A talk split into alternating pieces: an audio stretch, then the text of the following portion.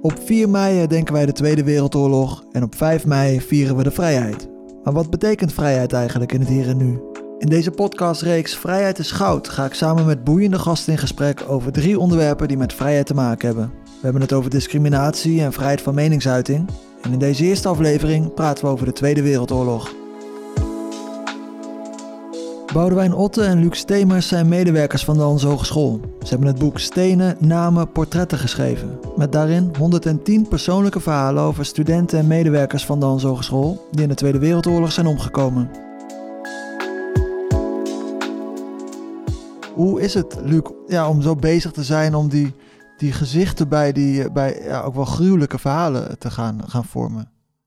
Ja, dat was, uh, dat was natuurlijk heel indrukwekkend. Uh, ook omdat je gaandeweg uh, spoor je via, via nabestaanden op. En mensen die soms ook nog rechtstreeks betrokken waren bij, bij de levens van de mensen die we proberen te beschrijven. Dat was echt heel indrukwekkend. Dan kom je ook nog heel veel verdriet tegen. Bijvoorbeeld een dochter die dan over haar moeder praat. Uh, die nooit heeft kunnen hertrouwen omdat haar vader uh, nooit officieel dood verklaard is. Dat soort dingen kom je tegen. En ook heel persoonlijke verhalen over hoe mensen om het leven zijn gekomen. Echt verhalen die jarenlang alleen maar in families gecirculeerd hebben, die wij nu dan echt opgetekend hebben. En sommige, sommige verhalen zijn we ook, tenminste ik in ieder geval, eh, aan het reizen geslagen. Aan het reizen in Groningen. We hadden het verhaal van Pieter van Doren bijvoorbeeld, naar wie de Van Dorenvesten is genoemd. Er waren drie versies van hoe hij om het leven en ook drie plekken waar hij zou zijn eh, overleden. Het is heel vreemd natuurlijk. Bij zijn huis geloof ik, eh, ergens op het Damse Diep en in het ziekenhuis. Er zijn drie verhalen. Ik denk, hoe, hoe is dat in godsnaam mogelijk? Dus, en dat moet je dat proberen te reconstrueren. In dit geval had ik geluk dat, uh, dat we in contact kwamen met zijn, uh, met zijn kinderen. Die iets meer konden vertellen. Nou, dan, dan, loop je dus in je eigen stad loop je gewoon iets te zoeken waar iets geweest moet zijn geweest. En dat is, dat is heel uh, fascinerend natuurlijk. Dat het, ja, je krijgt een heel ander beeld van, van, van de stad. stad ook was. Hè? De stad heeft voor mij wel veel meer een verleden gekregen, zeg maar. En ook de provincie trouwens. Ieder dorp waar je doorheen komt, iedere wijk in de stad is wel iets gebeurd in dit boek wat je dan uh, tegen bent gekomen. Dus... Ja, dan hebben al die straten en al die, ja. die hoekjes hebben allemaal veel andere ladingen, betekenis. Kan je omschrijven wat, wat dat dan met je doet als je door, die, ja, als je, als je door, door de stad gaat en je ziet die plekken weer terug? Ja. het krijgt toch meer een uh, speciale betekenis voor je. Ik, ik, ga, ik, ik hou zelf heel veel van uh, om naar uh, mooie foto's te kijken. En er is een hele mooie galerie in de Oude Kerk in Jatstraat. Die heet Noorderlicht, geloof ik. Toevallig speelt ook een van de verhalen uit ons boekje daar. Want daar zat vroeger een stempelfabriek. Dat is Oude Kerk in de Jatstraat 36. In opdracht van de Duitsers werden, werden daar stempels gemaakt, maar die uh, mensen van de stempelfabriek, die heette familie van der Woude, die uh, maakten ook nog duplicaten van die stempels en die gingen naar het verzet. Die werden dan gebruikt door het verzet. En die mensen zijn ook bijna allemaal om het leven gekomen. En krijgt zo'n zo, zo galerie krijgt dan toch een heel andere lading voor je. Bas Kolkman is student op de Hanze en hij verdiept zich in de Tweede Wereldoorlog. Hij maakt samen met medestudenten voor de minor medialism de documentaire Het Achterhuis van Stadskanaal. Het gaat dus over een onderduikadres uit het dorpje uh, Stadskanaal. In de Tweede Wereldoorlog heeft hier een uh, boerderij gestaan. Deze staat er helaas niet meer. Maar, uh, waar maar liefst 16 mensen voor langere tijd ondergedoken hebben gezeten. dat is vrijwel een uniek verhaal, omdat iedereen het ook overleefd heeft. En ze dus met 16 man op een kamertje van 20 vierkante meter uh, in totaal hebben gezeten. Dus men had anderhalve meter uh, aan ruimte voor zichzelf. Waar je moest liggen, zitten, slapen, eten. Alles doen eigenlijk. En ja, ik, het is gewoon ontzettend mooi dat, dat deze familie eigenlijk uh, zichzelf direct vanaf seconde één dat iemand bij hen aankwam kloppen, zichzelf op de tweede plek hebben gezet. Um, de eerste onderduik komt bij Willem aankloppen en die zegt: kan ik bij jou onderduiken? Want ik moet eigenlijk naar Westerbork en dat ga ik niet doen, want ik wil niet naar zo'n werkkamp. En dan spreekt Willem zijn vrouw Hindertje daarover. En het eerste wat Hindertje zegt tegen Willem is... je hebt toch zeker wel ja gezegd? Ja, je hebt toch zeker wel ja gezegd? Ja, dat is gewoon het eerste, gewoon nul vragen. Het eerste is, je hebt toch zeker wel ja gezegd? Ja, echt. Ja, prachtig eigenlijk. En hij had ja gezegd. Ja, dat. Ja, en dat was het antwoord van, van Hindertje was eh, fijn, dan is er niks aan de hand. Dat is niet voor te stellen eigenlijk, hè? Nee, het is echt wel een intens verhaal. En het roept ook wel, niet alleen bij mij, maar eigenlijk ook bij iedereen die ik spreek en die wij interviewen, roept het ook wel best wel wat emotie op eigenlijk. Ja, Ja. Wat voor een emotie is dat? Kan je dat omschrijven, wat dat bij je oproept? ja eh, onbevatbaarheid misschien wel. Omdat ik heb natuurlijk niet in die tijd geleefd en ik, ik kan me eigenlijk niet... Ik kan me proberen voor te stellen hoe het is om in zo'n oorlog te leven. Maar dat kan ik eigenlijk niet, want er is geen levensbedreiging op mij.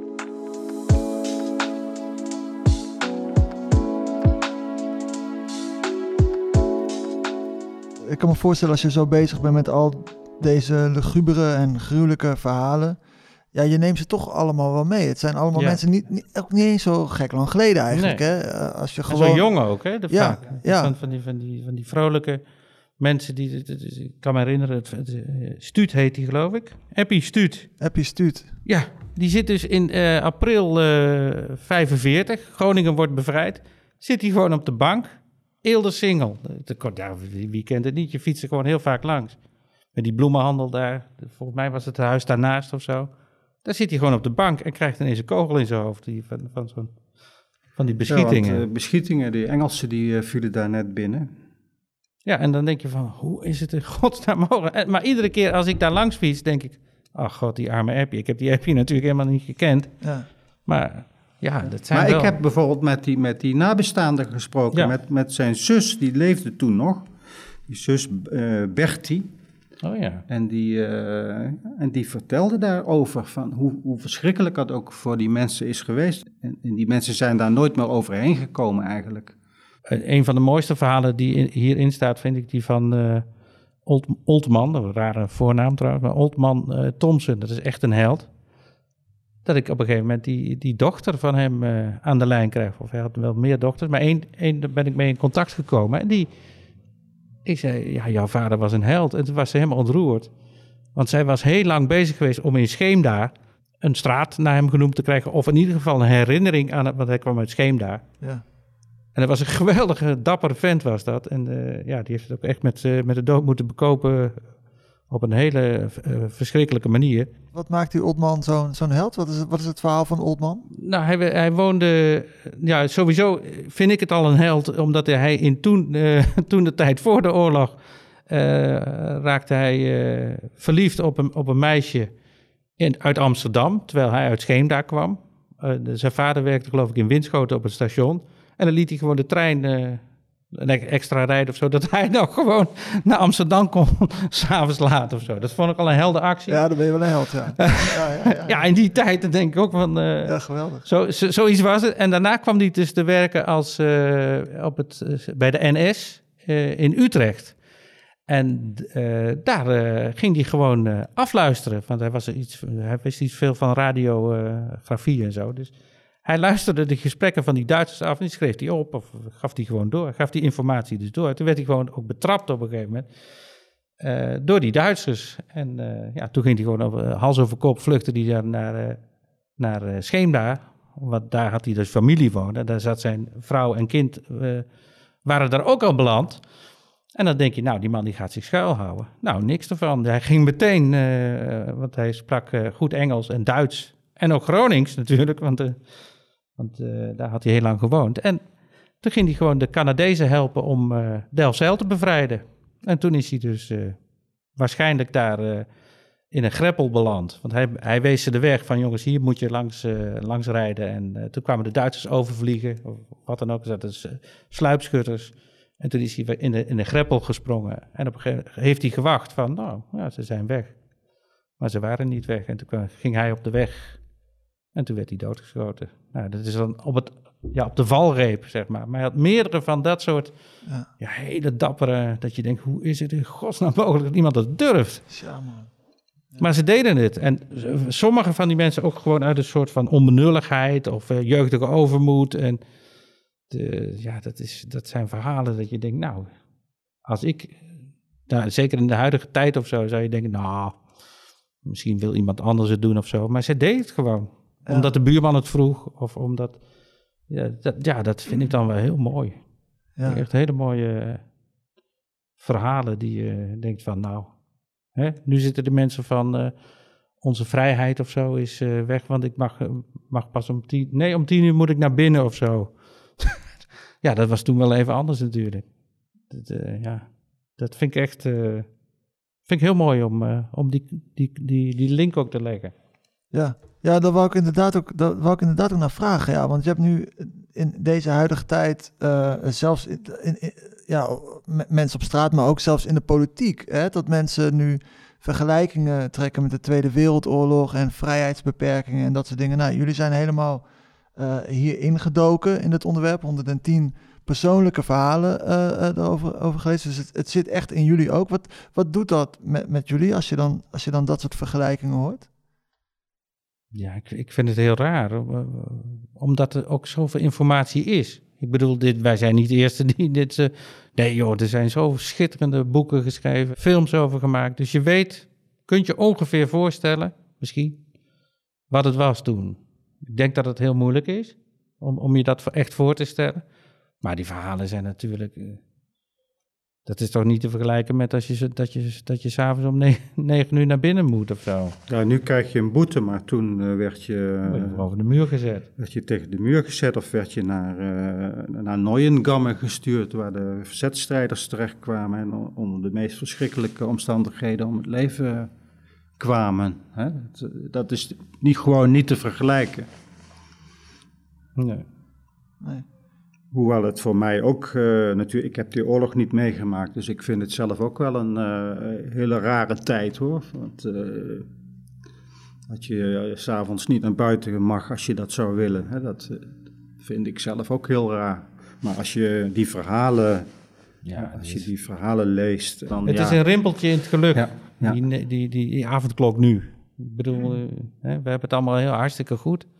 En ja, en dit, dit, dit, is toch... Ja, ik zou mijn schouders erover ophalen. Die mensen denk ik ook. Of, of misschien zouden ze in verzet komen, dat weet je ook niet. Hè? Ja, Want er, er zaten ook wilde, wilde mannen tussen. En ja. ja. die gewoon warm liepen voor het avontuur natuurlijk. Ja. Een rimpeltje in het geluk, dat is heel mooi gezegd, ja. Dat is niet van mezelf hoor, maar dacht ik, gooi hem erin. Je mag hem er gewoon in gooien. Ja, nee, ik had het ook, nee maar het is ook, ik heb dat elke keer rond, rond deze tijd, uh, begin ja. mei, en zeker ook nu, nu ik jullie uh, boek heb doorgebladerd, dan, dan, dan gaat het allemaal weer leven. En dan denk je, ja, ja wat, wat, wat, wat hebben we toch, uh, toch eigenlijk veel te ja. relaxed of, of heerlijk met elkaar. We, we, hoeven ons eigenlijk niet zo zorgen te maken. Nee. Um, ja, er zijn altijd dingen waar je zorgen over maakt. Dat is ook wel goed natuurlijk. Dan blijf je gewoon lekker scherp van, uh, om het nog beter te maken. Dat, nee, dat ja, vind okay, ik wel. Maar dat is natuurlijk wel, het is, het is geen, het is, nee, het is geen, het is geen van, van, leven of dood.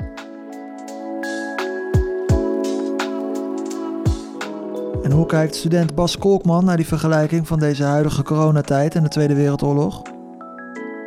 Ik kan me voorstellen dat als je niet zoveel met de Tweede Wereldoorlog bezig bent en die niet mee hebt gemaakt, ja, er zitten vergelijkingen in als zijnde er is een avondklok, die was er toen ook. Maar je moet kijken naar de achterliggende uh, grond van zo'n avondklok, van die maatregelen. Het is, het is gewoon eigenlijk niet te vergelijken, want er is geen bezetter, er, er staan geen levens op. Ja, er staan wel levens op het spel, maar eigenlijk andersom. Want we besparen levens door zo'n avondklok in plaats van er is een avondklok omdat er oorlog is. Dus ik snap het wel of zo dat mensen dan denken van ja, dit neigt wel een beetje naar, naar Tweede Wereldoorlog praktijken. Maar de situatie is niet te vergelijken, want er is geen oorlog. Er, is gewoon... Het is een compleet ander uh, ja, dreigement wat er eigenlijk is... waardoor deze maatregelen ingelast worden. En ik vind het bijna eigenlijk bijna een beetje een... misschien wel een middelvinger naar de mensen die wel die oorlog mee hebben gemaakt. Ja, ik kan er niet genoeg zeggen dat het echt in de verste verte niet zo erg is als dat de Tweede Wereldoorlog was. Ja, want waarom is het belangrijk om zo'n verhaal te, te vertellen? Ik kan me eigenlijk niet voorstellen hoe het is geweest om in zo'n oorlog te leven. En daarom is het juist belangrijk dat we niet vergeten dat dit gebeurd is. Want het is ook een reminder om te zorgen dat dit nooit meer zal gaan gebeuren. we moeten er als mensheid, niet alleen als Nederlanders, maar als, als heel de wereld eigenlijk, ervoor zorgen dat dit soort dingen niet kunnen en niet mogen gebeuren. En we willen ook dat mensen erbij stilstaan hoe ontzettend uh, dapper het was van de familie Drent om dit te doen. En, en ook alle mensen die, die, die hun hebben geholpen hoor. Het is niet alleen de familie Drent geweest, maar zij hebben natuurlijk wel het grootste risico genomen. En denk dat het heel erg mensen aan het denken kan zetten. Want ik denk als je nu de straat op gaat en je vraagt aan mensen... Stel, het was de Tweede Wereldoorlog, zou jij uh, als iemand bij jou aanklopt van... hey, mag ik bij je onderduiken? Zou je dan ja hebben gezegd? Ik denk dat dan veel meer mensen gaan zeggen van... ja, nou, ik denk het wel. Gewoon omdat ze niet... Uh, het is ook een beetje het gewenste antwoord dan, ja, denk ik, daarom. toch? En want je, Je- wil je- jezelf een beetje als tof eh, eh, zien. Maar of je het echt zou doen, dat, eh, ik weet ook niet of ik het wel zou durven, hoor. ik kan je 100% vertellen dat ik het niet zou hebben gedaan. Nee. Nee, ik, ik zou dat echt niet hebben gedurfd. Ik ben dan... Ja, het klinkt heel egoïstisch. Ik weet niet of het heel egoïstisch is. Misschien wel een beetje. Het ligt er misschien ook aan. Hè? Als het natuurlijk... Als het mijn eigen neef of zo zou zijn... dan zou het wel een ander verhaal zijn. Ja. Ja. Maar als er een willekeurig iemand bij mij aan zou kloppen... en zou zeggen... hey, mag ik bij je onderduiken? Ik word vervolgd. En ik weet dat ik het risico loop... dat als, als dat ontdekt wordt... dat ik zelf ook het loodje leg... Zo. dan had ik gezegd... ja, sorry, maar ik ga dat risico niet lopen. Ik vind het heel vervelend voor je. Ja. Ja, dat klinkt heel bot. Ja, nee, maar wel heel begrijpelijk. Zijn jullie ook wel eens bang dat we weer in zo'n verschrikkelijke fase terechtkomen, Luc? Ja, ik denk wel eens met, eh, met alle eh, ook internationale ontwikkelingen, eh, met fake news en eh, dat ik wel eens bang ben dat eh, hele vreemde figuren aan de macht komen en eh, dat daar andere bevolk, bepaalde bevolkingsgroepen misschien wel weer eens het slachtoffer van kunnen worden. Dat, dat heb ik wel eens, ja. ja. Ja. En jij, Boudewijn? Ja, nee, absoluut. Maar dat heb ik al. eh, mijn oma zei altijd van. Het beest is niet dood, het beest slaapt. En dat, dit, dat, eh, ja, volgens mij is dat ook zo. Ja. kan ieder, ieder moment weer gebeuren. Mensen, ja, een zondebok zoeken, dat hoort er gewoon. Dat zit heel diep in mensen verankerd. En sommige mensen die, eh, die wakkeren dat een beetje aan. En dat, eh, dat, ja, dat vind ik echt oh, bijna ongelooflijk. Want inderdaad, we hebben het zo goed. En, dus waarom zou je dat nou doen? Maar het is. Ik, ik vind dat dus wel, wel, wel eng, inderdaad, als je dat leest. Het beest is niet dood, het beest slaapt. Er zit altijd een bepaalde soort druk eh, Ja. op, op de samenleving. Ehm, de, de angst eh, dat het weer helemaal eh, misgaat op gruwelijke wijze. Ehm, wat kunnen we, wat, wat, wat zouden we moeten doen als, als, eh, om, om, het, eh, om het beest uh, slapende te houden of, of, of, te, of te kunnen doden? Is dat überhaupt mogelijk? Ik eh, beken gewoon dat ik gewoon een lafaard ben. Waarschijnlijk. Ik ga er vandoor. En Luc helemaal, denk ik. Ik ga mee. dan. vluchten, vluchten. Ja, ja. vluchtende. En ik, denk, ik denk dat het belangrijk is dat mensen eh, informatie tot zich blijven nemen en, eh, en, en, en eh, niet afgaan op, eh, op informatie eh, via allerlei uh, loesje bronnen. Hè? Uh, en dat ze ook uh, ja, informatie over een bepaalde gebeurtenis dat ze niet, uh, dat ze niet afgaan op één bron, maar dat ze ook, uh, ja, dat ze ook dingen met elkaar gaan vergelijken en zelf, zelf nadenken. Dus denk zelf, ja, dat, dat, dat is wel belangrijk. Ja.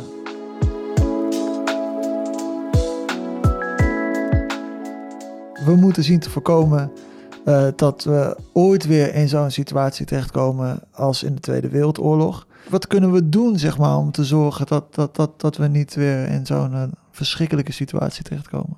Uh, een van de eerste dingen is denk ik iedereen accepteren. Dat is ook het mooie aan het verhaal van de familie Drent, denk ik, dat zij niet hebben nagedacht over wie of wat er voor ze stond. Maar het feit dat er iemand voor ze stond. En dat er iemand hulp nodig had.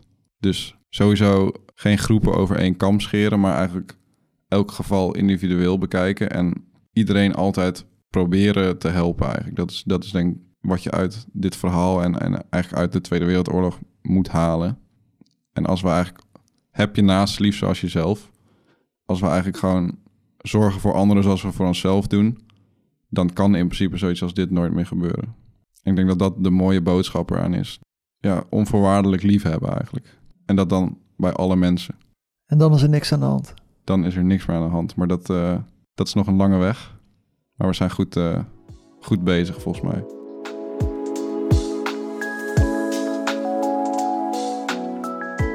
Luc, wat betekent vrijheid voor jou? Oeh. ja, dat je kunt, uh, dat je mag denken wat je, wat je, wat je wil, dat je, uh, dat je daarvoor niet in de gevangenis komt en ook mag zeggen wat je wil.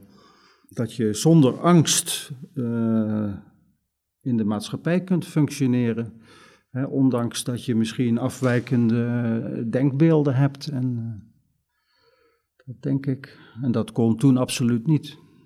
Ik ga nog even iets verder terug. Als ik denk aan vrijheid, denk ik meteen aan uh, eigenlijk de Franse Revolutie. Hè? Dus uh, vrijheid, gelijkheid, broederschap. En vrijheid is voor mij inderdaad van, dat je geen slaaf van een ander kunt worden, dus, of een lijfeigene. Ik bedoel, daar komt het begrip vandaan. Ondertussen hebben we allerlei nieuwe definities van die vrijheid gekregen, waarvan ik denk, nou ja, allemaal heel belangrijk en zo. Maar het, het gaat er in essentie volgens mij om dat je vrij bent, dat je uh, zelf mag denken. Ik zie wel, in de huidige tijd zie je zoiets uh, van uh, dat het gaat over persoonlijke vrijheid. En volgens mij ging het daar vroeger veel minder over.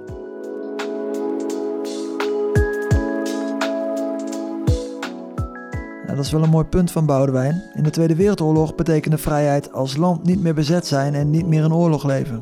Tegenwoordig denken we bij vrijheid meer aan kunnen zeggen en denken en doen wat je wilt. Ik ben benieuwd hoe Bas over vrijheid denkt. Ja, dat is lastig. Ik denk, ja, eigenlijk gewoon kunnen doen wat je wil. En nou, dat kan nu natuurlijk niet helemaal. Maar ik denk, er zit wel een kanttekening aan. Want als mijn vrijheid, dus zoals nu eigenlijk beperkt wordt, maar het is voor uh, het goede doel eigenlijk, om het maar zo te zeggen, dan voelt dat niet alsof mijn vrijheid afgepakt wordt. Zeg maar. Omdat ik, maar dat komt ook omdat ik het ermee eens ben. Hoewel ik ook de maatregelen wel zat ben en zin heb om weer een biertje te doen, voelt het voor mij minder erg als een flinke beperking. En ik denk dan voor, voor mij betekent vrijheid gewoon eigenlijk ook kunnen doen met je leven wat je wil. Dus kunnen studeren wat je wil, kunnen, kunnen gaan en staan waar je wil, kunnen eten wat je wil, kunnen afspreken met, met wie je wil, kunnen zeggen wat je wil. Dat kunnen we eigenlijk gewoon in dit land.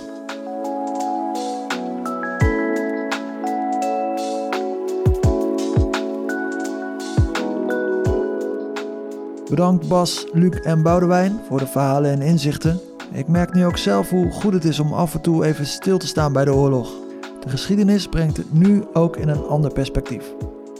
Dit was de eerste aflevering van de podcast Vrijheid is Goud, aangeboden door Onze Cultuur en Debat, geproduceerd door Studio Snoekduik. Ik ben Colin Mooiman, tot de volgende keer en geniet van je vrijheid.